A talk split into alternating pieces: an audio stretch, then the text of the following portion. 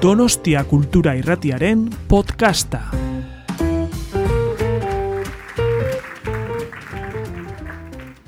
Bueno, kaixo, Arratzaleon, eskerrik asko dortzagatik, dagoen eguraldia kontuan izan da. Bueno, igual, hobeto, ez? E, literaturaren berotasunera etortzea. Bueno, e, e, badakizuek aurten literatun e, e, jaialdiak zinea eta literatura, literatura dituela izpide, eta zentzu horretan ba, gaur daukagun e, gonbidatua, ba, bueno, e, programa honetan oso gonbidatu egokia da, izan ere bere hiru novela e, izan dira zinera eramanak, eta laugarren bat ere bidean, bidean dago.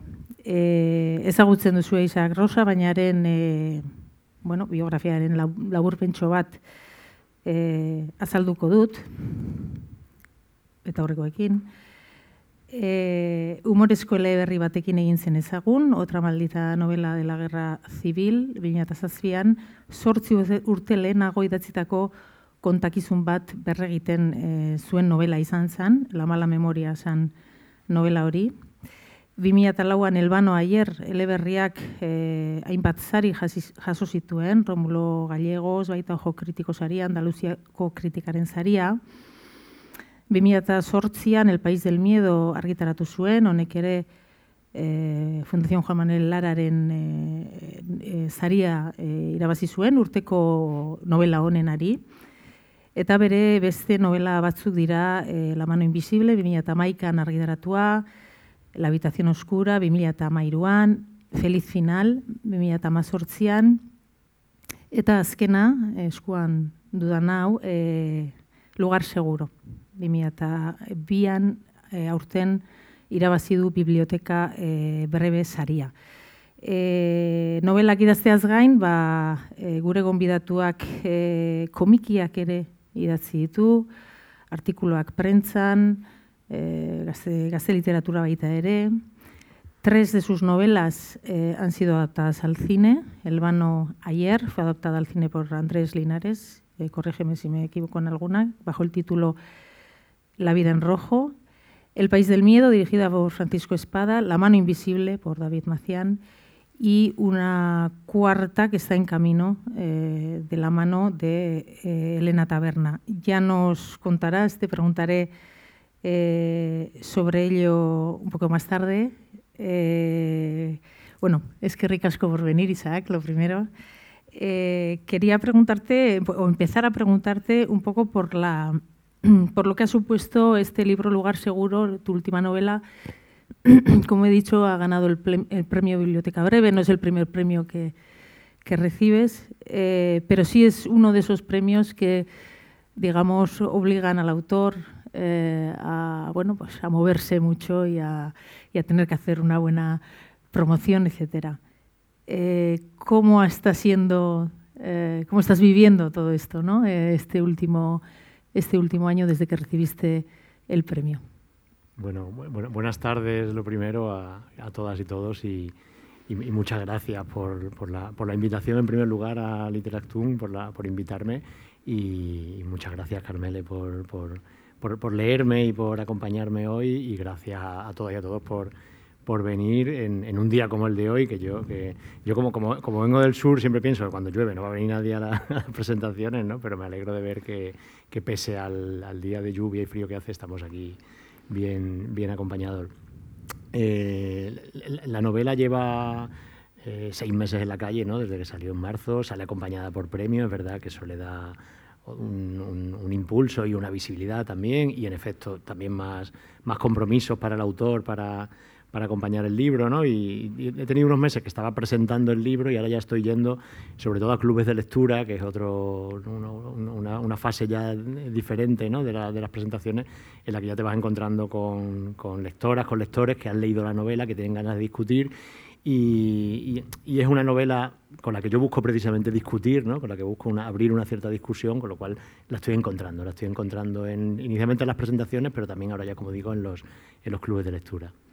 Eh, antes de introducirnos eh, un poco más en la novela, eh, quería preguntarte por tu, digamos, vocación. Eh, no eres, y lo has dicho en muchas entrevistas, eh, un autor de estos que a veces hay muchos autores que dicen, yo con seis años ya escribí tal, o con siete, y te, a veces te, entra, este complejo, ¿no? Yo con seis años estaba jugando. Eh, en tu caso, eh, dices que, era, que, tu vocación, digamos, era el de dibujante de cómic. Cuéntanos un poco cómo llegaste a, escritor. Sí, de hecho, de hecho es mi vocación frustrada. yo, yo habría querido ser dibujante de, de, cómic, era realmente lo que, me, lo que me gustaba, lo que leía y, el, y, el, y digamos el lenguaje que me, que me gustaba para, para contar historia. Yo, yo, fui un escritor, siempre que digo que fui un escritor tardío, siempre me dicen, pero si publicaste con veintipocos años, ¿no? ya la primera novela, ¿no? Pero es verdad que, que empecé a escribir tarde, lo que pasa es que, que, empecé a escribir y a publicar prácticamente a la vez. No era, no era un niño que ya escribiera en efecto cuentos, ¿no? ni que llevara ningún tipo de relatos cuando era, cuando era pequeño, sino que a mí, a mí lo que me gustaba era dibujar, ¿no? era mi, mi terreno habría querido ser dibujante, estuve a punto de estudiar Bellas Artes, mm, me di cuenta que Bellas Artes no tenía nada que ver con lo que yo quería hacer, con lo que me gustaba hacer, no, por lo menos, por lo menos Bellas Artes hace, hace 30 años, ¿no? Y, acabé estudiando periodismo y descubrí, descubrí la palabra escrita y descubrí que lo que me gustaba no era dibujar, sino que lo que me gustaba era contar historias y que tenía otra, otra forma de hacerlo ahora, ¿no? Y empecé a, empecé a escribir. Pero has escrito cómic también, He escrito guiones de cómic, que es, que es, lo más parecido que voy a hacer a, ser el dibujante de cómic que me habría gustado y sigo dibujando en, en la intimidad, ¿no? Pero no, no ya, ya, ya se me pasó la, la posibilidad de ser dibujante de cómic. Eh, tanto Lugar Seguro como bueno, el resto de tus obras están muy, muy pegadas a la realidad, a la sociedad, a lo que ocurre en la sociedad. Eh, se te etiqueta muchas veces de escritor social, escritor político. Eh, ¿Te encuentras cómodo con alguna de las etiquetas? Que, ¿Cómo te gustaría que, te, que te, denominaran ¿no? en ese sentido? Sí, a mí no me molestan las etiquetas, verdad que, que enseguida te las colocan porque además el el, mundo cultural, sobre todo el periodismo cultural, parece que tiene necesidad de esas etiquetas con la que, con la que donde, donde encajar a un autor para ya un poco eh, delimitarlo y poder contarlo también, ¿no? Y, no, y no, me molestan, que si no me, no me las quito de encima. Mm, sí, sí, a veces las discuto también, ¿no? porque se, se usa indistintamente, por ejemplo, novelista social, y novelista político, ¿no? Y, y, yo creo que no es lo mismo. ¿no? Yo, yo suelo distinguirlos. ¿no? O sea, yo, creo que, que cuando hablamos de, novela social o de literatura social estamos pensando a lo mejor en un tipo de literatura que sobre todo pone el acento en el, en, el tema, ¿no? en, el, en, la elección del tema, en mirar a ciertos aspectos de la sociedad, ciertos aspectos eh, conflictivos de la, de la sociedad pero, pero como digo, eh, poniendo el acento sobre todo en la historia que cuentan, los temas, en los personajes, en ciertos ambientes, ciertas situaciones.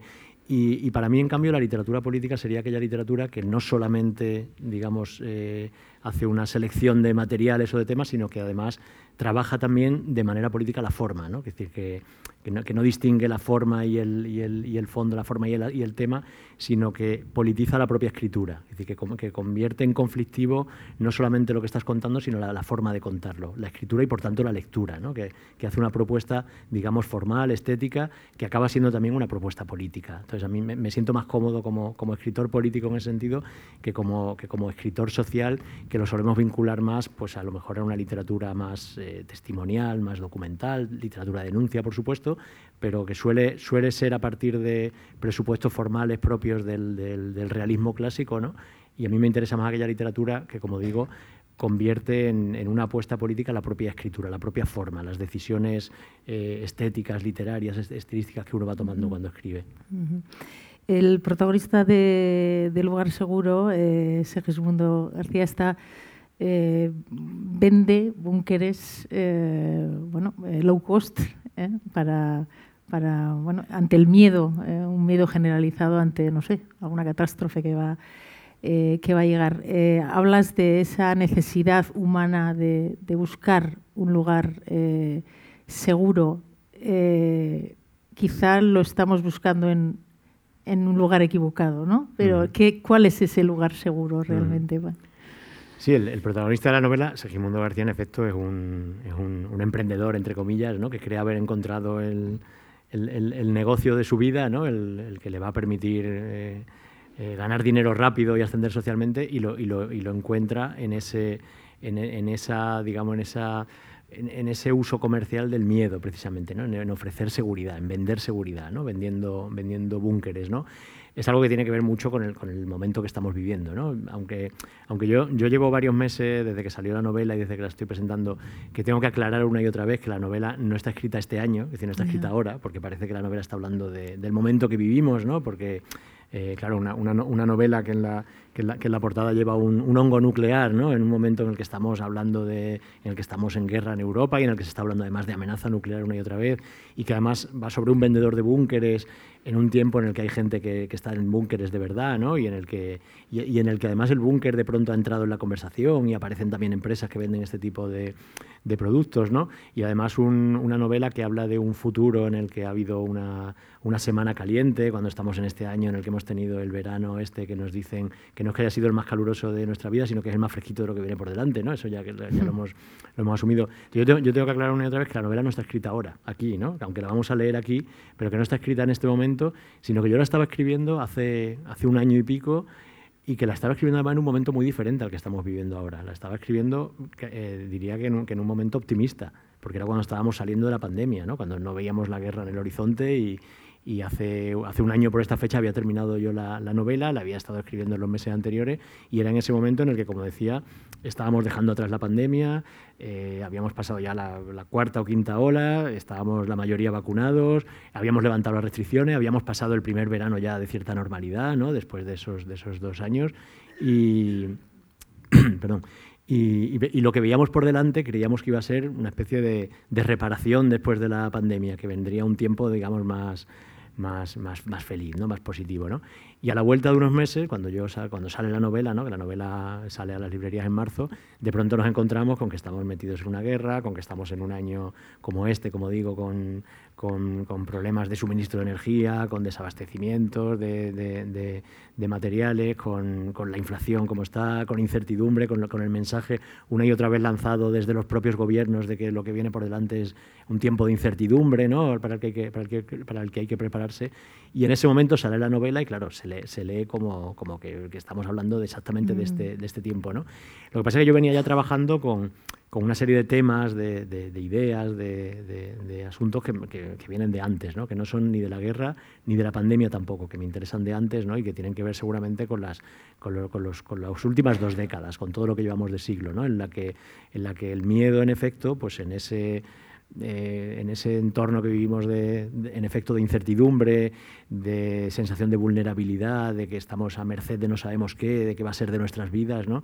pues en, ese tiempo, como digo, de, en estas dos últimas décadas que ha sido desde, desde el comienzo del siglo, desde el 11S hasta ahora, una sucesión de, sobresaltos, ¿no? pues ahí el miedo ocupa un lugar central. El, miedo en nuestras vidas, el miedo, el uso político del miedo, pero también el negocio del miedo, que es el que, que es el que usa Segismundo. Y, sin embargo, como dices, es una novela optimista. O, eh, busca. O... Yo no diría que es una novela optimista. Yo diría que es una novela, o quiere ser una novela eh, eh, con algo de esperanza. que, no es lo mismo que el optimismo. ¿no? a mí me, gusta distinguir el optimismo de la esperanza. ¿no? Yo, yo sigo ahí a, Terry Eagleton, ¿no? que tiene un libro de hace unos años, que es el de Esperanza sin optimismo, ¿no? donde, donde distingue la esperanza mm. del optimismo. ¿no? el, optimismo como algo más más, más ingenuo, ¿no? más, más confiar en que las cosas salgan bien ¿no? y, la esperanza hay que trabajársela. ¿no? Y, y además, Eagleton viene a demostrar que, se, que se, puede ser, se puede tener esperanza desde el pesimismo, ¿no? se puede ser radicalmente pesimista y tener esperanza. Entonces yo sí quería escribir una novela que en este tiempo en el que, en el que, en el que tememos al futuro, en el que el futuro se ha ido ensombreciendo cada vez más en los últimos años, en, estos, en estas dos décadas, como decía, de siglo, ¿no? en el que, en el, que el, futuro se ha convertido, en el mejor de los casos, en un, en un territorio incierto, en el peor, pues algo que queremos evitar, ¿no? y, huimos del futuro y, nos refugiamos muchas veces en el pasado, en, en las miradas al, nostálgicas al pasado. Pues yo quería escribir una novela pensando en un futuro en el que, digamos que no, que no circulara por el carril habitual distópico, apocalíptico, ¿no? un futuro que se parece mucho a nuestro presente, que además los, digamos que los acontecimientos de este año han, han acelerado, han adelantado, han acercado más mm. todavía, pero en el que se abre una posibilidad de, esperanza, como digo, no, no, no de optimismo, sino de, esperanza de, poder cambiar las cosas. Eh, el protagonista e incluso su padre, eh, bueno, una generación, tres generaciones de, hombres, eh, encarnan la, el personaje eh, digamos, el listillo eh, que se aprovecha de una situación de, crisis para hacer negocio. Algo que, como dices, si sale bien, eh, es un gran emprendedor. Y es algo que, que, nos suena, que en este caso hablas de los bunkers low cost, pero puede ser una pandemia quien vende mascarillas, ¿no? Claro.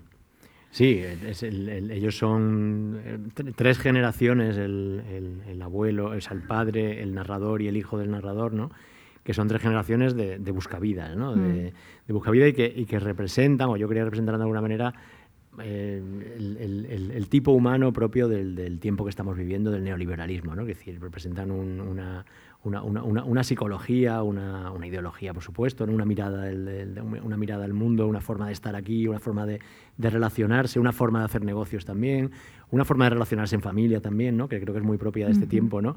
Y, participan de eso, ¿no? de, ese, de esa idea de, de búscate la vida, de encuentra tu oportunidad, de, la crisis como oportunidad siempre, ¿no? como oportunidad para hacer negocio, de, ganar dinero rápido, ¿no? de, encontrar cuál es en cada momento el, el, negocio que te va a permitir, en efecto, el, pelotazo, ¿no?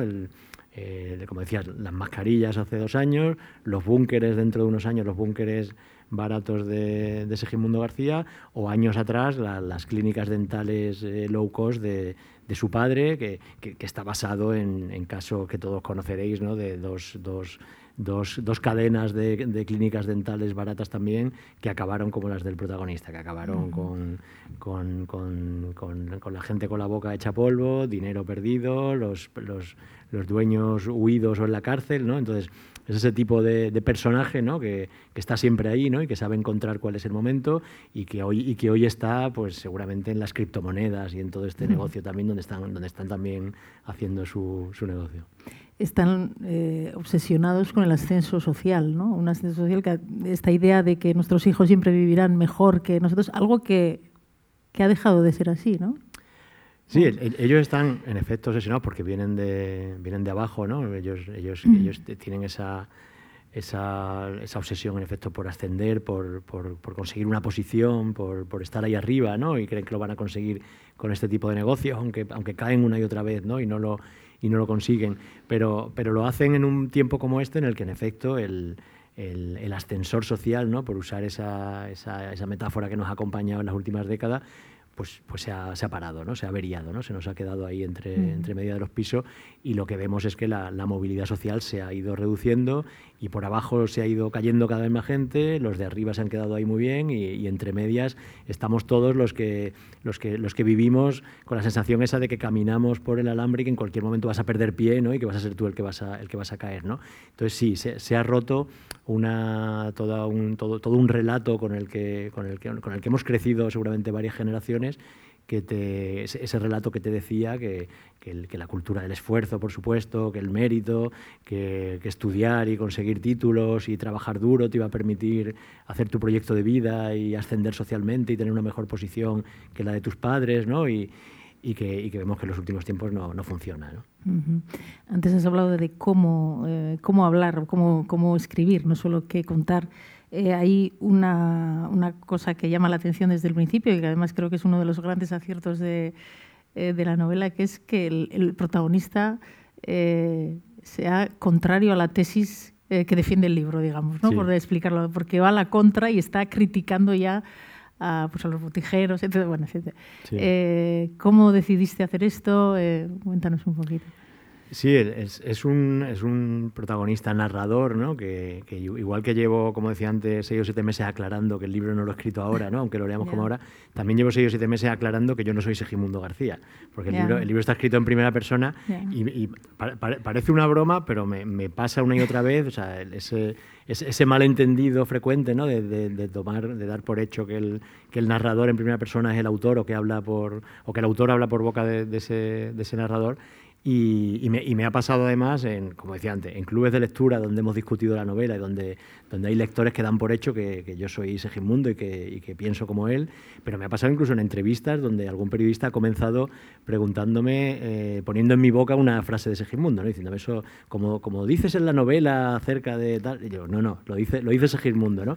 Entonces, eh, yo quería escribir una novela como decía antes, que no fuera una novela que mirara al futuro, que no fuera distópica, pero sí con un narrador distópico, o sea, con un narrador que tiene una mirada distópica del mundo y que, distopiza la realidad, que él es el que nos, la cuenta desde, su mirada, desde su visión del mundo, desde su psicología, por supuesto, desde su condición de vendedor de búnkeres, es decir, de alguien que tiene un interés en, ofrecer una visión del mundo en la que, en la que convencerte de que no te queda otro remedio que, ir ahorrando para el, para el búnker. ¿no? Entonces, eh, digamos que la, la, propuesta que la novela hace a los lectores ¿no? es, es ese narrador al que no sabe, del que no sabes si confiar o no, no sabes hasta qué punto comprarle o no su discurso, comprarle su búnker, ¿no? comprarle su mercancía. Entonces eso hace que, que, la, que la novela tenga lecturas muy, muy diferentes y a veces incluso contrapuestas. ¿no? O sea, yo me uh -huh. encuentro a quien lee la novela dando por bueno el relato de Segimundo y, y, y, asumiendo además que es mi relato, asumiendo que yo estoy hablando por Segimundo, ¿no? entonces hay quien lee la novela eh, desde, desde, la posición de Segimundo sin cuestionarla y acaba leyendo una novela distópica, claro, acaba leyendo una novela desesperanzada, una novela en la que no cabe, una novela cínica como lo es el propio protagonista. Y en el otro extremo me encuentro también a lectores que supongo que porque me conocen de libros anteriores o de artículos de prensa y más o menos dan por hecho que yo estoy más cerca de, de las ideas de los llamados botijeros en la novela y entonces leen contra Segismundo, le dan la vuelta a su relato y cuestionan en todo momento lo que Segismundo está contando y acaban leyendo una novela botijera, acaban leyendo una novela esperanzada. ¿no? Entonces, entre esos dos extremos yo creo que la, que, que la mayoría de lectores se van moviendo y hay veces en que estás más cercano a Segismundo, hay veces que te apartas de él, hay veces que te reconoces en Segismundo, incluso más allá de lo que te, de lo que te gustaría, ¿no? Pero sí, es es, es un narrador que, como digo, desde, desde, su visión del mundo nos está contando todo lo que ocurre en la novela, porque además es la única voz que escuchamos en la novela, no, no, no hay otra, incluso las, cuando aparecen otros personajes hablando, es lo que nos cuenta Segismundo, lo que, lo que él nos está contando. Y hay momentos en los que falta información, en lo que nos está ocultando cosas, ¿no? en lo que nos está ofreciendo una visión muy sesgada, una visión muy interesada también de la, de la realidad. Uh -huh. Y hay otro elemento que es el humor, la ironía, como manera de llegar a ciertos temas, ¿no? Que a veces hay ciertos temas que no hay otra manera, o bueno, es más fácil llegar. El humor te hace eh, yo tengo la sensación de estar leyendo el libro con una sonrisa eh, amarga. Sí. No sé cómo decir, una, o sea, eh, hay humor eh, y una cruda realidad, pero contada con humor, ¿no? Sí, yo, yo, yo, quería escribir algo, algo parecido a una comedia, ¿no? una, una comedia amarga, en efecto, una, una, una comedia triste, ¿no? una comedia de, en la que te ríes y a veces te puedes preguntar de qué te estás riendo, ¿no? Pero, pero, pero yo quería darle ese tono ¿no? que, que está en el propio narrador, que está en lo que le ocurre, en su, en su peripecia mm. a lo largo de un día, que, que, que, no deja de ser una peripecia cómica, incluso patética, de un tipo que está corriendo, buscando a su padre que se ha perdido, persiguiendo un tesoro, huyendo de problemas, con historias con su hijo, ¿no? que no deja de ser cómico lo que le, lo que le ocurre, pero también en su propia voz, ¿no? en su propio tono, ¿no? en, ese, en ese Segismundo que, que, en las primeras páginas sobre todo pues puede, puede parecer un tipo de personaje que luego va cambiando en el libro. ¿no? En las primeras páginas puede parecer un tipo más eh, inclu incluso más desagradable para el lector también, ¿no? un tipo muy, muy cínico en efecto, ¿no? muy, muy, muy, sobrado, ¿no? que parece que, que viene pisando fuerte desde las primeras páginas y, y tiene esa, esa, mirada, como digo, eh, cínica del mundo y que luego va cambiando también en la, en la novela. Uh.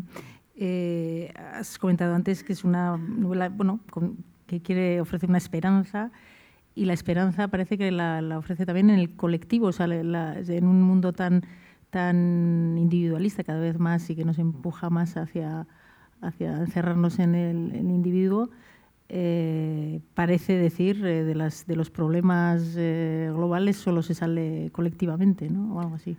Sí, hay, a ver, hay, hay, una propuesta en la novela que es, el, digamos, la, la, la alternativa al búnker, ¿no? Es decir, si pensamos en el en el, en el futuro, ¿no? que, en el futuro que tenemos por delante, el, el, futuro del año que viene y de los próximos años, ¿no? Eh, hay, hay, una propuesta que ya está sobre la mesa, que esa está muy clara, ¿no? que es el búnker, que es el sálvese quien pueda, ¿no? que ese es el, el, el lema de nuestro tiempo, ¿no? o, lo, o, o, uno de los dos grandes lemas de nuestro tiempo. Uno es el sálvese quien pueda, otro es el no hay alternativa. ¿no? Me parece que son los dos grandes lemas de, esta, de este tiempo y que, y que, a veces los hemos, los hemos interiorizado y los hemos, los hemos dado por bueno y no los cuestionamos. ¿no? Entonces, frente al, frente al sálvese quien pueda, que que acaba siendo siempre sálvese quien pueda pagárselo, ¿no? que, el, que el que pueda pagarse el búnker de verdad, no el que vende Segimundo, no los búnkeres estos baratos que te los monta en un trastero o en, una, o en un garaje, ¿no? sino el, el, el búnker de verdad. Frente al sálvese quien pueda y frente al no hay alternativa, que nos lleva también a, a, resignarnos, a, refugiarnos, como decía antes, en la, nostalgia o a, buscar otros, otros, otros lugares seguros, otras formas de, búnkeres, yo quería que la novela hubiera esa, posibilidad de, esperanza y de alternativa. Y, pasa por, construir otras formas de seguridad también, frente a la incertidumbre con la que, con la que de verdad vivimos, frente a esta incertidumbre y esta, y esta sensación de, vulnerabilidad perdón, y este miedo con el que muchas veces también vivimos y que, y que, es un miedo que, no, que tampoco sabemos nombrar, ¿no? que está ahí en el ambiente, pero que, lo acabamos lo acabamos dirigiendo hacia algo reconocible, ¿no? Acabamos poniendo una alarma en nuestra casa porque así creemos que nos quitamos el, miedo, ¿no? O acabamos comprando un búnker u otro tipo de, soluciones de, de, seguridad, ¿no?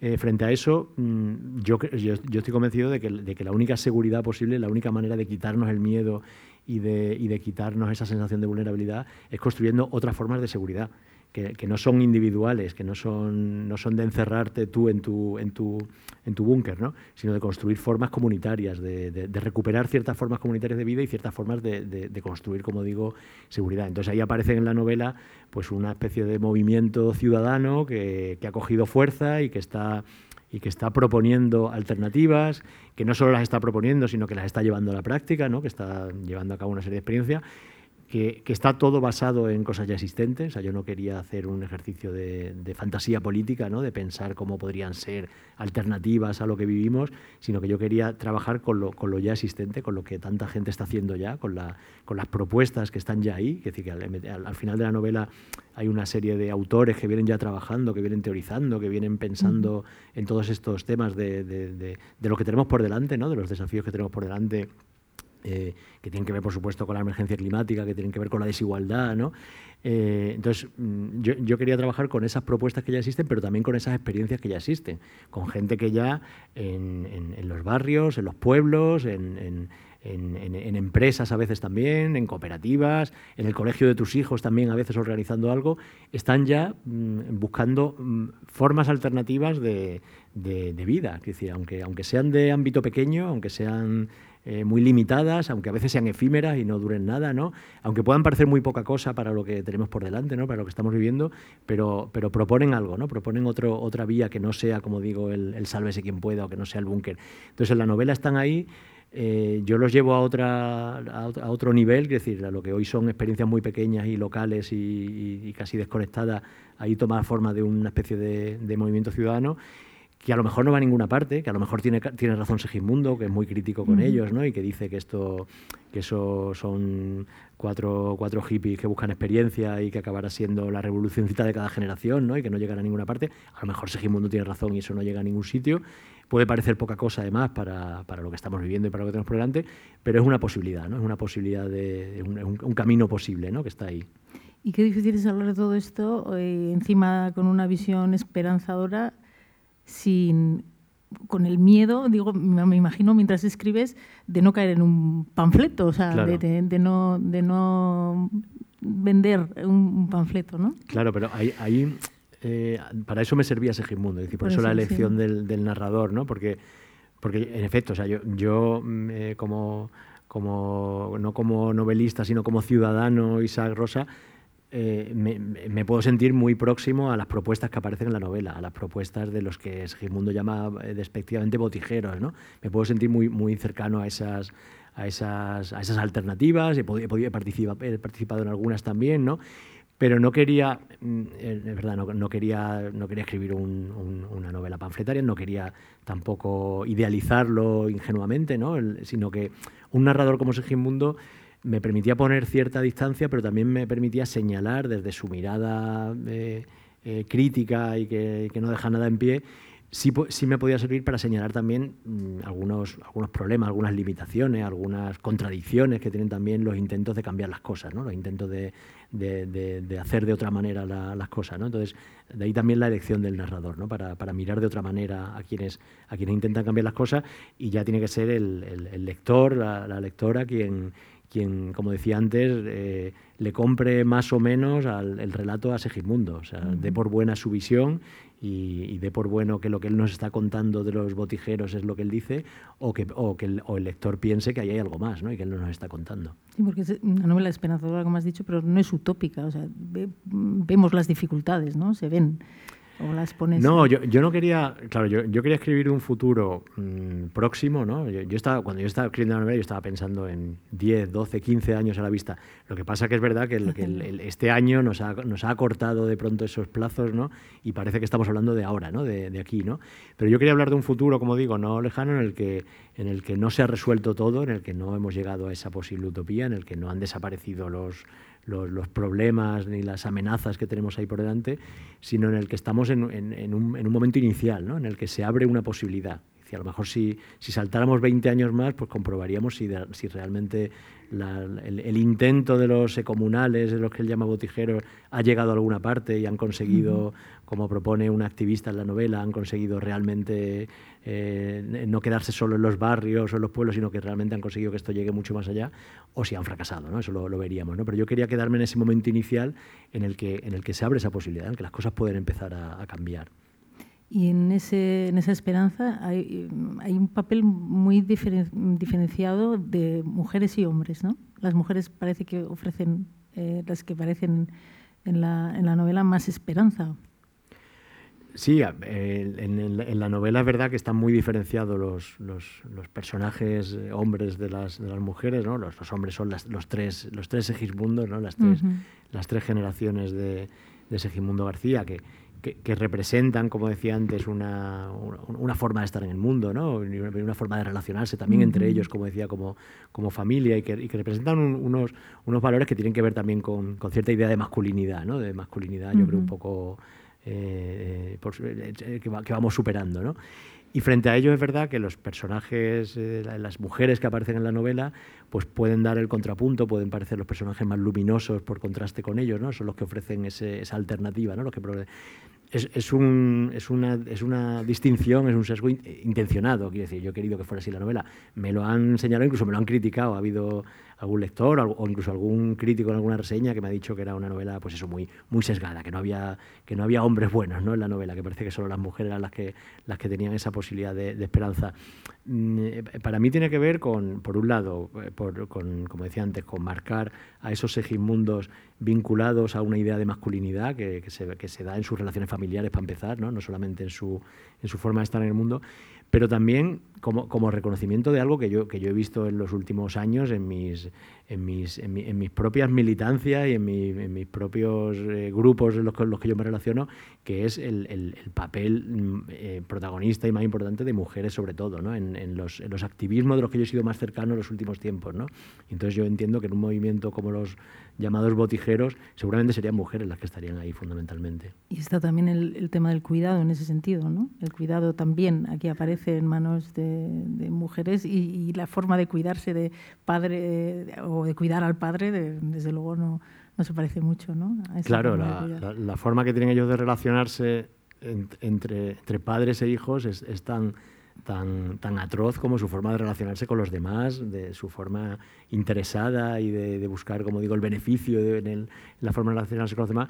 Y han tenido siempre, han tenido entre ellos ¿no? una forma de relación, aunque, aunque el narrador Segimundo con su hijo intenta enmendarlo, intenta tener otro tipo de relación con su hijo, que no sea la que tuvo con su padre, pero han tenido siempre una forma de, de, relacionarse, como yo decía antes, que tiene con cierta idea de masculinidad que deja fuera el cuerpo, ¿no? que deja fuera mm. el, el, el, lo físico, que deja fuera el cuidado también, ¿no? eso que dicen de, de, de, que dice Segimundo en algún momento de su padre, de que no han sido nunca de tocarse, ¿no? que, le, que coge la mano del padre y, y, siente ahí una, una, extrañeza, ¿no? porque no se dan la mano, porque no la, no la no, la, no se la ha cogido nunca. ¿no?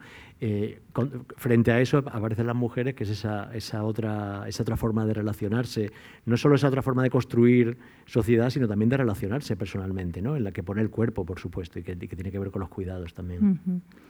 Eh, en la novela ocurren muchas cosas y ocurren todas en 24 horas esta elección. Sí, en menos incluso, en, una, en unas pocas horas, bueno, en, una, sí. en, un, en, un, día. Sí, eh... sí es, es, una novela que se, que se desarrolla un, a lo largo de un día, ¿no? un, día en, un día en la vida de, de, de Segimundo García. en el que le, en, el que le ocurren muchas cosas, en efecto, ¿no? las, las, novelas, los relatos, las películas que se desarrollan en unas pocas horas, suele, suele ser un tiempo muy concentrado, pero al mismo tiempo un tiempo donde caben mucho, ¿no? muchas cosas, ¿no? en donde hay mucho, mucho, mucho pasado también contenido en, ese, en esas horas ¿no? y, muchas, y muchas cosas que le van sucediendo. ¿no? Entonces es, es una novela que yo quería que fuera que fuera rápida, que el personaje le van ocurriendo cosas y va moviéndose y va corriendo, ¿no? Y quería que fuera rápida también en la lectura, ¿no? Que, que, que, realmente fuéramos siguiendo al personaje al ritmo que él se va moviendo por la, por la ciudad, ¿no? Y que, y que la novela también se contagiara de esa, de esa velocidad. Comienza la novela diciendo, bueno, eh, debajo de, desde aquí hasta no sé dónde, no recuerdo ahora cómo dice, ¿no? Podríamos ir por debajo de la tierra. Cuéntanos eso de que te has inspirado en el nadador, en el cuento del, eh, de John Cheever, del nadador de las piscinas. Cuéntanos. Sí, la, la, primera línea de la novela ya no es un, es, un guiño al, al, nadador, ¿no? Al, al, cuento de Cheever, ¿no? Cuando, el, cuando al principio de la novela eh, Segismundo está en casa de un, de un posible cliente, ¿no? Y entonces le dice eso, ¿no? Le dice desde, se asoma a la, a la terraza, ¿no? Y ve la ciudad entera y dice, desde aquí a mi casa podría ir en línea recta, podría ir bajo tierra, ¿no? Podría ir de búnker en búnker, ¿no? Una forma de... Eh, obviamente es una, una forma de, de, hacerle creer que, que, está la ciudad llena de, de clientes y de búnkeres, ¿no? Pero la, la, idea tenía que ver con el, en efecto, con el nadador, ¿no? Con el, con el relato de Chiver y más, más, incluso con el relato con la adaptación cinematográfica, con la película de, si la, si la habéis visto, ¿no? Con la película de, de los años 70 protagonizada por Bart Lancaster, ¿no? De, que, que si, si, no, si no conocéis la historia es, es, es un es un tipo que, aparentemente un triunfador, ¿no? Eh, que al principio de la historia, ¿no? que está en, en, casa de unos amigos, en una urbanización de, clase alta, ¿no? en la, y está en casa de unos amigos que viven en la parte alta de la urbanización y desde ahí se asoma y ve toda la, sucesión de casas con piscina, ¿no? Y dice eso, ¿no? Desde aquí a mi casa podría ir nadando, ¿no? Podría llegar nadando hasta mi casa y se propone ir nadando a su casa y va de piscina en piscina, saltándose la valla de las casas, nadando, haciendo un largo en cada piscina, va a la siguiente casa y va nadando y durante el, durante el camino se va encontrando con todo tipo de personajes que le van cambiando, ¿no? Y yo, yo quería hacer un poco ese, ese recorrido también, ¿no? El, el que el, que, el, que, lo que le fuera ocurriendo al protagonista le fuera cambiando, fuera cambiándole a él, pero también su relato, ¿no? El, igual que ocurre con el nadador, que al principio del cuento, o al principio, insisto, de la película, que me quedo más con la película por, la, por esa imagen además tan, tan potente de Bart Lancaster, que lo vemos en las primeras imágenes, que es un tipo, pues eso, eh, además en bañador, guapo, fuerte, que, está allí tomándose una copa, ¿no? Y que te imaginas que es un triunfador. Y cuando va pasando la historia, cuando llega al final de, la, de su recorrido, lo que encontramos es un tipo que llega a su casa muerto de frío, eh, eh, que, que, está solo, que no le espera nadie en casa, ¿no? y vemos que es un, que es un hombre derrotado. ¿no? Y yo quería hacer un, un, un, un trayecto similar con Segismundo, ¿no? que al principio de la novela puede parecer que es un tipo que en efecto ha encontrado el negocio de su vida y puede parecer, como decía antes, que es un tipo que va muy, muy, muy sobrado por la vida, que va pisando fuerte, que va que, que, que, se burla de todo, ¿no? Y según va avanzando la historia y se va cruzando con otra gente y le van ocurriendo cosas y va recuperando también momentos de su vida, va cambiando, va cambiando y el Segismundo que llega al final de la novela no es el Segismundo del principio, el Segismundo que llega al final de la novela es un Segismundo que entendemos que es un que, no deja de ser también un hombre perdido, un hombre que, está en efecto, que está buscando, buscándose la vida y buscando su lugar y que está muy, muy, muy falto de afecto también, ¿no? Él, puede provocar hasta cierta ternura. Y que él cambia, pero cambia también su relato, ¿no? El relato de la novela, lo que, lo, que estamos, lo que estamos leyendo todo el tiempo, que no deja de ser lo que Segismundo cuenta al final del día va cambiando también según nos lo va contando él hasta llegar al final. Uh -huh. Lo que eh, queda claro en toda la novela es eh, esa influencia o esa eh, de lo social con lo íntimo, ¿no? Quiere decir que a veces tenemos como esa fantasía de que en la vida íntima, nuestra vida íntima no tiene nada que ver con la sociedad que nos rodea, que nosotros decidimos eh, cómo vivimos, pero bueno, aquí, aquí y en tus anteriores novelas también, ¿eh? Eh, se ve claramente cómo lo, íntimo, eh, la vida de Segismundo, o lo, cómo piense, etcétera, eh, está totalmente atravesado por, por los valores que en ese momento están en alza en la sociedad. Mm. Sí, claro, el, el, el, el, que, el querría, o, o, a él le gustaría que pudiéramos realmente meternos en un búnker, ¿no? Y que, que, pudiéramos estar ahí a salvo, ¿no? Y que, y que el exterior no entrara, ¿no? Pero no es así, o sea, que decir, no, esto nos vale para esta novela y para cualquier otra, no solo de mis novelas, que decir, cualquier otra novela en la que uno no, no no, no, no vende, no se relaciona, no ama, no, cualquier tipo de historia que vea en una novela en el vacío, en la nada, ¿no? sino que lo hace en, un, en, un, en el mundo, lo hace aquí y ahora, lo hace en, unas, en, unas, en, una, en un orden social, en unas condiciones materiales, ¿no? y, eso, y eso atraviesa todas las historias, ¿no? o debería al menos atravesar todas las historias, en este caso también. Eh, voy a preguntarte por las adaptaciones de, al cine. ¿Por qué crees que, que, se han adaptado tantas? O sea, ¿qué tienen tus novelas para que eh, se hayan adaptado tantas veces al, al cine? Pues eh, eso, que, obviamente lo tendrían que contestar los, los, directores que lo han hecho, ¿no? Pero yo, yo siempre he pensado que, que, hacía un tipo de... Cada vez que me han propuesto adaptar una novela, ¿no? Siempre me ha sorprendido porque, porque me parecía que no eran novelas cinematográficas, ¿no? en el sentido de lo que entendemos por una novela cinematográfica, ¿no? que son novelas que suelen tener una, una trama muy, muy, muy clara, ¿no? que, que sea una, una, trama que sea, digamos, que, que, se pueda llevar al lenguaje cinematográfico, pero también a las, a las exigencias de, de, la narración cinematográfica, que parece que tiene que tener una intriga, una serie de giros, una serie de arcos de personaje, todo esto, todo, todo esto que viene del mundo audiovisual y que ya parece que los novelistas hemos, hemos, hemos hecho propios también, ¿no? hemos asumido. Y, y yo pensaba que mis novelas no lo eran, porque, porque, porque, no, porque no, digamos que no respondían a esa idea de trama, pero además había un trabajo formal, un trabajo de, de la, en la propia narración que no era, que no era trasladable al, al, cine. ¿no? Y sin embargo lo que me he encontrado son con, con directores que donde yo donde donde había una novela que no era fácil de adaptar donde no era una novela que pareciera como digo cinematográfica supongo que encontraban un, reto precisamente no el ser capaz de, de, de, cambiar esa historia, de convertirla en otra, de, de, contarla con otro lenguaje y con, otros, con otras herramientas.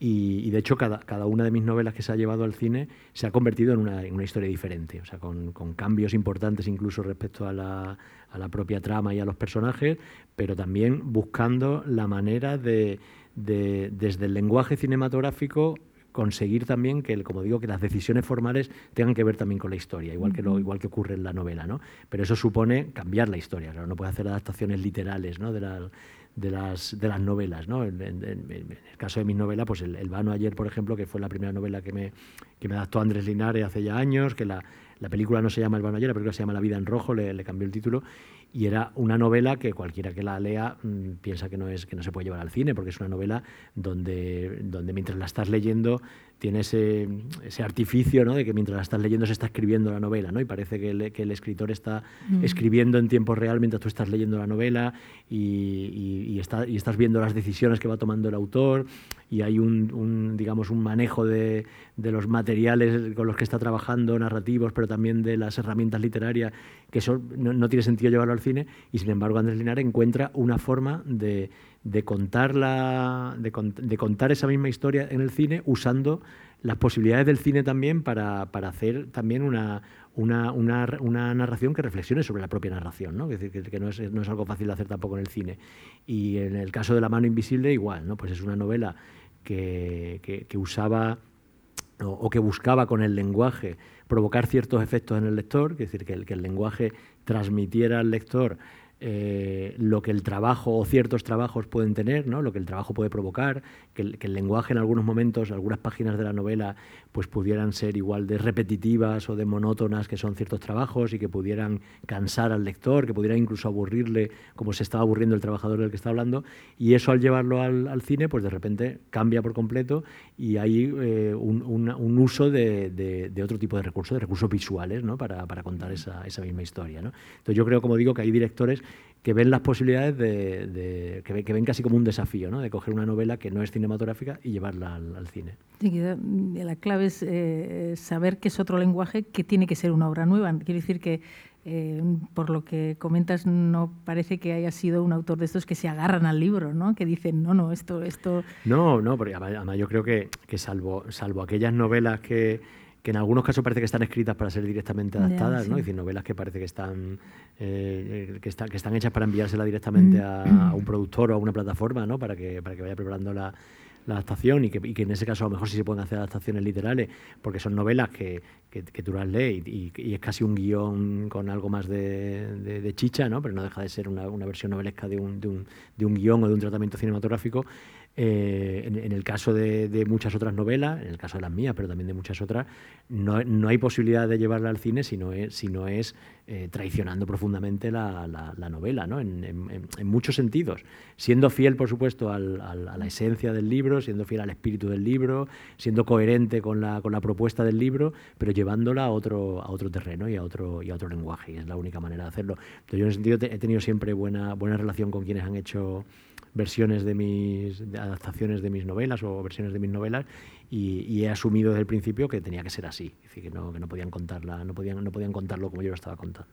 ¿Y cuál ha sido tu participación? ¿Has participado en el guion, en los guiones? Yo, yo participé en, el, primero, en el del, en el del Vano ayer, sí, me, me, me propuso Andrés Linares mm, participar en la escritura del guion y aunque él llevaba la iniciativa, porque él era el, cineasta, ¿no? yo, yo, yo, estaba con él trabajando y, pensábamos juntos y leíamos juntos y íbamos un poco corrigiendo. Y, tengo que decir también que las últimas decisiones fueron suyas, que, yo respetándola, incluso discrepando en algunas decisiones suyas, pero era su película, ¿no? en la que yo participaba, pero era su película y yo lo, y yo lo asumí, incluso, incluso no estando de acuerdo en algunas decisiones suyas, lo asumí porque era su, su película. ¿no? Y en, en, cambio, en el, en el País del Miedo en la, o en La Mano Invisible, no quise participar. O sea, leí versiones de, leí borradores de guion, estuve siempre en, eh, digamos, en comunicación con los, con los directores, guionistas y, hablando con ellos y, preguntándome y, pensando juntos también, pero dejando que fueran ellos los que, los que trabajaran y los que escribieran.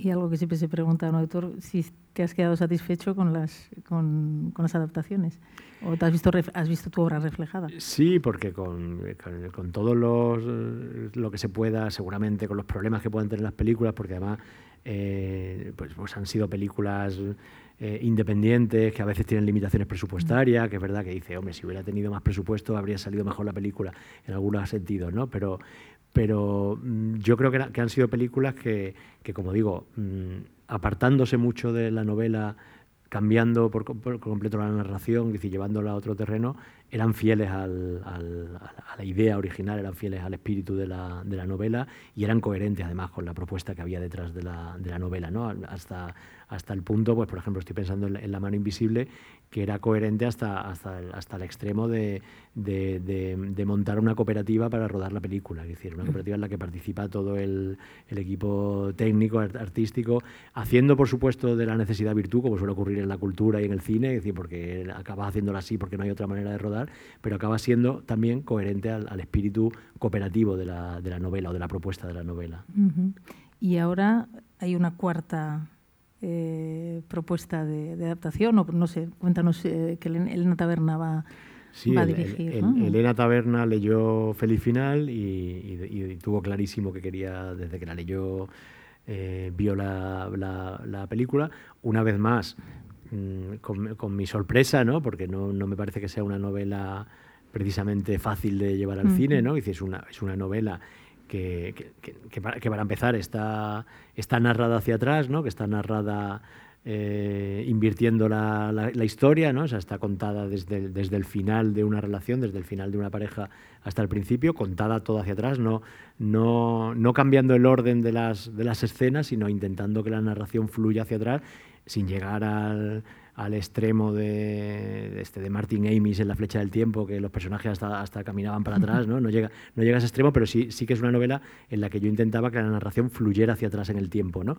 Y eso, mm, eh, claro, llevarlo al cine, el cine puedes, en efecto, eh, cambiar el orden de las, de las escenas, hay algunas películas que lo han hecho, ¿no? De, de, de contar la misma historia, pero cambiando el orden pero eh, conseguir el efecto que tiene la novela no es precisamente fácil. Y además es una novela que está contada a dos voces, en el que hay una, una, una, disputa por el relato ¿no? entre, las dos voces que están, entre las dos voces que están narrando.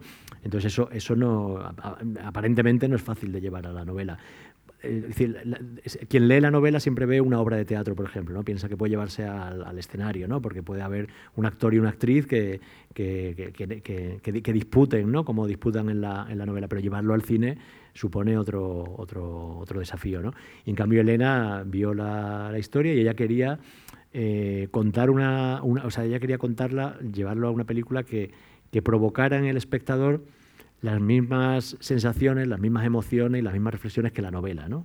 Entonces para eso lo hace, o al menos en las versiones de borrador de guion que yo he conocido, lo hace usando recursos cinematográficos, claro. Lo que, lo que en la novela es un intento por desordenar la historia para, para provocar también un, cierto desorden emocional en el lector, ¿no? Que, que, te están contando una historia que empieza por lo peor y acaba en lo mejor, pero tú sabes lo que ha ocurrido por el camino y eso te hace que, te relaciones de otra manera con la historia. Ella lo hace con, con, con recursos cinematográficos, con, mucha, con mucha imaginación, tengo que decirlo, con mucha inventiva a la hora de contar la historia, ¿no? Y, y yo como la última vez que, hablé con Elena y, me enseñó lo, lo, que había escrito y cómo va, yo le, se lo dije claramente, dije, digo, Elena, tienes, tienes un guion con el que puedes hacer una película fantástica o un churro. Es decir, con, con esa misma historia eh, lo que quiero decir es que lo, decisivo ahí ya no va a ser el guion, sino otro tipo de decisiones que van a ser las decisiones de, dirección, de, actores, decisiones de, equipo técnico, que van a marcar la diferencia entre en que con ese mismo guion pueda salir una gran película o pueda salir una película fallida. ¿no? Entonces eso, eso es lo que diferencia también el cine de la, literatura. ¿Sabes para cuándo, en qué, momento está? Bueno, los plazos del cine son los que son, ¿no? pero yo, yo sé que Elena tiene el proyecto muy, muy avanzado y quiere rodar el año que viene sea que está rodando ya dentro de poco. Bueno. Bueno, pues yo creo que es vuestro turno. Seguro que queréis preguntar algo a Isaac Rosa. Creo que hay un micrófono por ahí. No, sé si vamos a ver si alguien levanta la mano.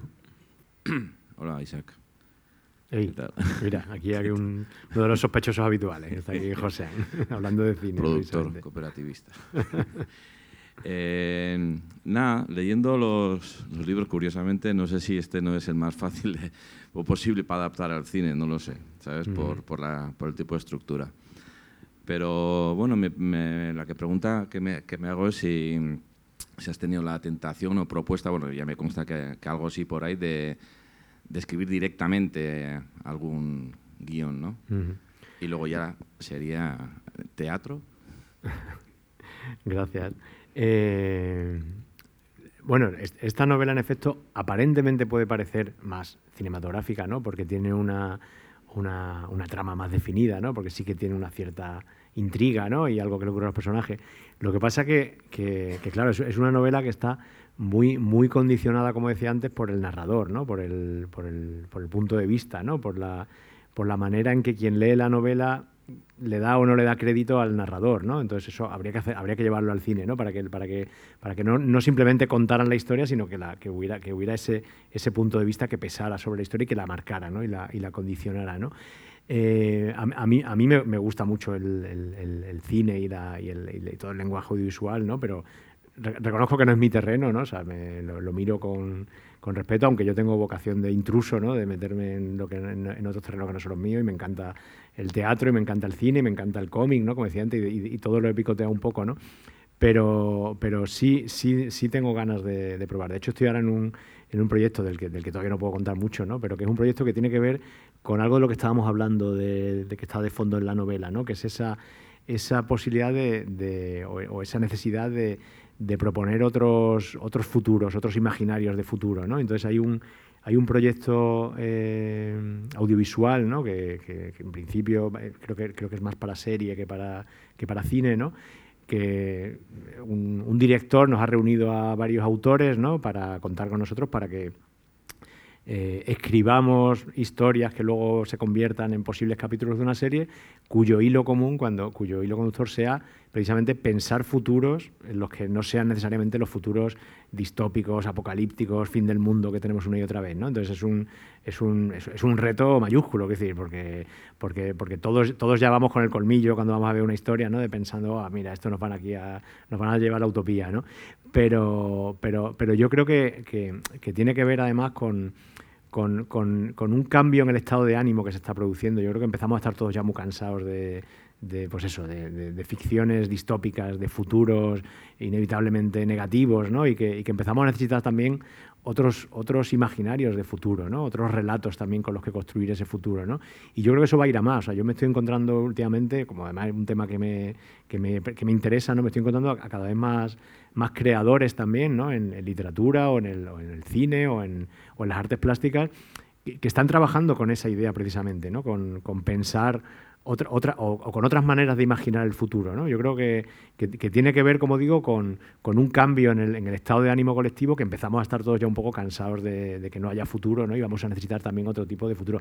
De hecho, ha salido hasta una, hasta una campaña eh, institucional, gubernamental, que habréis visto, ¿no? del, del Ministerio de de Ministerio de Derechos Sociales y Agenda 2030, ¿no? que ha, ha, sacado una campaña en, en, prensa, en radio y televisión, que no sé si habéis visto, que el lema es basta de distopías. No sé si la, si la habéis visto alguno, es, es, una campaña muy sorprendente porque, claro, que, que, un ministerio hable de basta de distopías eh, parece hasta distópico, ¿no? Parece, suena como el, el, ministerio, pues, parece orwelliano, ¿no? Del ministerio de la utopía, ¿no?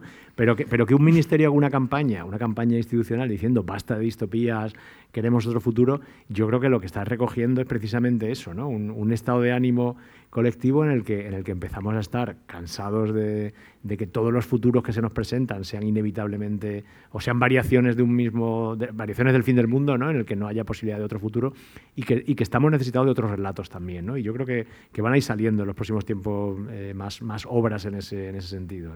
Precisamente aquí, eh, en Euskadi también hay un proyecto Borradores del Futuro, Sí, lo conozco, eh, sí, sí, sí, Es sí. que también ha, se han escrito varias, varios relatos con esa idea, ¿no? De, de, inventar o de inventar un futuro mejor, que qué difícil es una vez cuando te pones a escribir, porque siempre, siempre vas a... Sí, la tendencia Bor es ir a... Del lo... Futuro es un proyecto además muy, muy bonito Sí, porque coge a, a, un autor o una autora y lo pone en, en contacto con un proyecto, Eso con una experiencia... eso es. Eh, que se está haciendo, ¿no? que está ahí, a partir de ahí empiezan a trabajar. Pero, pero como ese yo me he encontrado en los últimos tiempos Ujú. a propuestas tanto de autores, o sea, de creadores eh, a título individual, como, como proyectos colectivos, ¿no? en los que, que comparten precisamente esa, misma ese mismo interés o esa idea, ¿no? De, de, de por qué no somos capaces de imaginar otro tipo de futuro, o sea, por qué, porque hay tal acumulación, como decía, de, distopías, ¿no? Me lo decía mi, mi, editora, ¿no? Eh, Elena Ramírez, la editora de Barral. Me decía, eh, cuando hablábamos precisamente de, la novela, ¿no? De, de esos posibles futuros que, que, nos está ofreciendo la literatura o el cine, ¿no? Ella me decía de cómo, de cómo en los últimos dos, tres años, sobre todo con la pandemia, que ya venía de antes, pero que desde la pandemia ha recibido una, está recibiendo una cantidad de manuscritos Mm. de distopías, ¿no? que, adem que además ya son eh, distopías ya casi, casi clónicas, ¿no? O sea, que, son ya casi todas muy parecidas, ¿no? Decir, son todo variaciones sobre una serie de distopías que han triunfado, ¿no? Pues el, el, cuento de la criada, pues hay un montón de versiones posibles del cuento de la criada, ¿no? De eh, historias tipo Juegos del Hambre, ¿no? Pues igual, futuros en los que, en los que estamos todos compitiendo, matándonos, pero, pero hay como eso, una, bueno, y, y, y en el audiovisual no digamos, que decir, tú te vas a, a las plataformas, ¿no? O sea, Netflix tiene su, su, su página entera, su sección de distopías, ¿no? De futuro. Y a mí, a mí como, yo, como yo he estado mucho tiempo trabajando en esta idea, pues ya, ya me han fichado todos los algoritmos y me están todo el día eh, proponiendo títulos, ¿no? De, para que vea películas, para que vea series, tal. Yo, yo, yo, soy, yo soy yo el que estoy diciéndole basta de distopía, ¿no? Ya, déjame, déjame tranquilo. Pero sí creo que hay un, pues eso, una saturación de, de, relatos distópicos que dice mucho de nosotros como sociedad, evidentemente, o sea, que dice de mucho de nuestras ansiedades y de nuestros miedos y del, y del estado de ánimo como, como sociedad, ¿no? Pero que yo creo que va a provocar un, un efecto rebote y que vamos a empezar a, no digo que nos vayamos a ir de golpe a escribir utopías, ¿no? pero sí que, sí que vamos a, necesitar, como digo, esos otros, esos otros relatos, esos otros futuros. Opa, eh, bueno, primero agradecerte que estés aquí y, y no sé, eh, decirte que me encantó el libro cuando lo leí, lo leí no sé si antes del verano, tengo muy mala memoria, tengo, según estabas hablando y venían cosas, pero lo, lo, que más me llamó la atención y, y, me gustó y me quedé de, de este Segismundo, de este narrador que dices tú, es, es que para mí eso es la historia de un gran perdedor, ¿sabes? De un, un, tío chapucero, chapucero mm. con su padre, chapucero con su hijo, un tío que, que de una conciencia neoliberal que gracias al humor que lo barniza todo, pues le puedes perdonar muchas cosas, ¿no? Un, es un sobrao que, que, que es capaz de, de, de, utilizar a su padre y a la criada del padre para ver si logra encontrar el tesoro ese, eh, a, a, a, costa de que pueda atropellarle un coche o que, lo que pueda pasar. Pero a la vez le encantaría tirarse a la criada, porque, en fin, es un tío de una moral o de una moral eh, increíble, que, que me encanta, por cierto. Y, que, le da y que da paso para pues eso pues pasar por muchos terrenos por, por muchas y cuando hablabas de, de cómic es que me parecía casi un esquema de cómic no el personaje muy muy cómic eh, cómo entran en, en, esos espacios que te digo no el familiar el del barrio, el político, el comercial, cómo habla de, sus clientes, cómo enseguida los, ve y es capaz de hacer una caricatura de ese, de ese cliente de cualquiera. Sabe inmediatamente cómo puede colocarle una mierda de esas, que ese es un búnker que dice que, lo puede hacer en, no sé, en su bodega o en, o en, una, en, una, raya de garaje. Es unas, unas cosas increíbles. Pero él dice, no, yo lo coloco pero viene de una generación de su padre con, con, las clínicas y de su hijo que trapichea en el barrio y que casi lo perdona. dice, bueno, si, si al fin y al cabo, ¿qué puedo esperar de este hijo teniendo yo de padre y, y su abuelo como ha sido? ¿no? Eh, entonces, no sé, ha empezado un, un, universo que me parece muy, muy, muy interesante, muy bonito, divertido, divertidísimo. gracias, sí. Yo decía antes que que, representa a Segismundo, o los tres Segismundos, representan eso, un, tipo humano de, muy, propio de nuestro tiempo. O sea, que, que todos conocemos Segismundos, estamos rodeados de Segismundo. seguramente todos tenemos algo de Segismundo también, todos tenemos nuestro, nuestros momentos Segismundo ¿no? en, la, en la vida. ¿no? Y, sí, representa una, una forma de, estar en el mundo, una, una, visión del mundo, una forma de relacionarse, como decía, ¿no? que, es, que, es, que es la propia de su condición y que, y que hay mucho, mucho ejemplo. ¿no?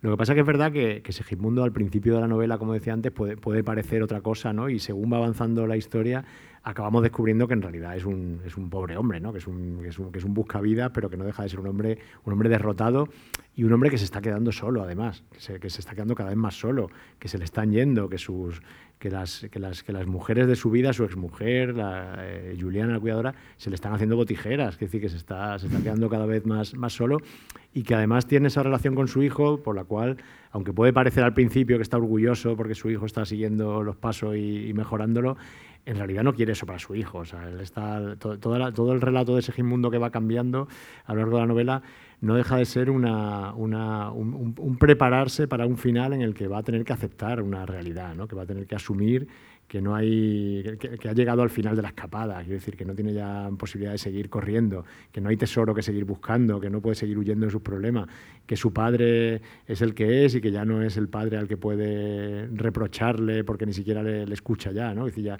que su padre, aunque él se aunque él se resista a aceptarlo, la enfermedad le ha absuelto, ¿no? Ya le ha convertido en otra persona y que, y que, es, y que es lo que tiene él, es decir, que no tiene otra cosa. Entonces, eh, yo creo que, que, que toda, todo su relato todo el relato que hace en la novela, que, es el relato que dirige a su padre, pero que su padre en realidad no lo escucha ya, con lo cual se lo está dirigiendo a sí mismo, no deja de ser una forma de justificarse, de justificarse lo que ha hecho, pero también de ir preparándose, ¿no? de ir aterrizando, de ir, de ir aceptando el final, ¿no? de ir aceptando dónde, dónde va a terminar. No aprovecho porque se me ha olvidado antes decir que, que fuera tenéis, si no tenéis eh, el libro también para, para, adquirir y que Isaac va, va a firmar eh, para los que queráis que firme el libro. Y pues si no hay más preguntas, eh, no sé, darte las gracias Isaac, de verdad, ha sido un placer leerte, ha sido un placer escucharte y bueno, pues hasta la próxima, a ver si llueve menos la próxima vez que. Muchas gracias, gracias, de verdad, gracias.